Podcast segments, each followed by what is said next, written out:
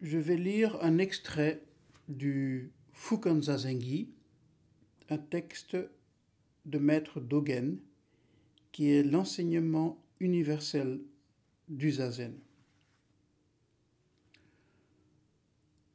Vous devez abandonner une pratique fondée sur la compréhension intellectuelle courant après les mots et vous en tenant à la lettre. Vous devez apprendre le demi-tour qui dirige votre lumière vers l'intérieur pour illuminer votre vraie nature. Le corps et l'esprit d'eux-mêmes s'effaceront et votre visage originel apparaîtra. Si vous voulez atteindre l'éveil, vous devez pratiquer l'éveil sans tarder. Pour Zazen, une pièce silencieuse convient. Mangez et buvez sobrement. Rejetez tout engagement et abandonnez toute affaire. Ne pensez pas ceci est bien, cela est mal. Ne prenez parti ni pour ni contre. Arrêtez tous les mouvements de l'esprit conscient. Ne jugez pas des pensées et des perspectives. N'ayez aucun désir de devenir un Bouddha. Zazen n'est pas limité à la position assise ou la position allongée. À l'endroit où vous avez l'habitude de vous asseoir, étendez une natte épaisse et placez un coussin dessus. Asseyez-vous en lotus ou bien en demi-lotus. Dans la posture du lotus, vous placez d'abord votre pied droit sur votre cuisse gauche et votre pied gauche sur votre cuisse droite. Dans la posture du demi-lotus, vous vous contentez de placer votre pied gauche sur votre cuisse droite. Veillez à desserrer vos vêtements et votre ceinture, arrangez-les convenablement.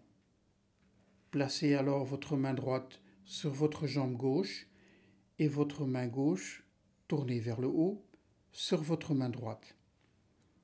Les extrémités des pouces se touchent. Asseyez-vous bien droit, dans l'attitude corporelle correcte, ni penché à gauche, ni penché à droite, ni en avant ni en arrière. Assurez-vous que vos oreilles sont dans le même plan que vos épaules et que votre nez se trouve sur la même ligne verticale que votre nombril. Placez la langue en avant contre le palais. La bouche est fermée, les dents se touchent. Les yeux doivent rester toujours ouverts et vous devez respirer doucement par le nez quand vous avez pris la posture correcte, respirez profondément une fois. Inspirez et expirez. Inclinez votre corps à droite et à gauche et immobilisez-vous dans une position assise stable. Pensez du tréfond de la non-pensée. Comment pense-t-on du tréfond de la non-pensée.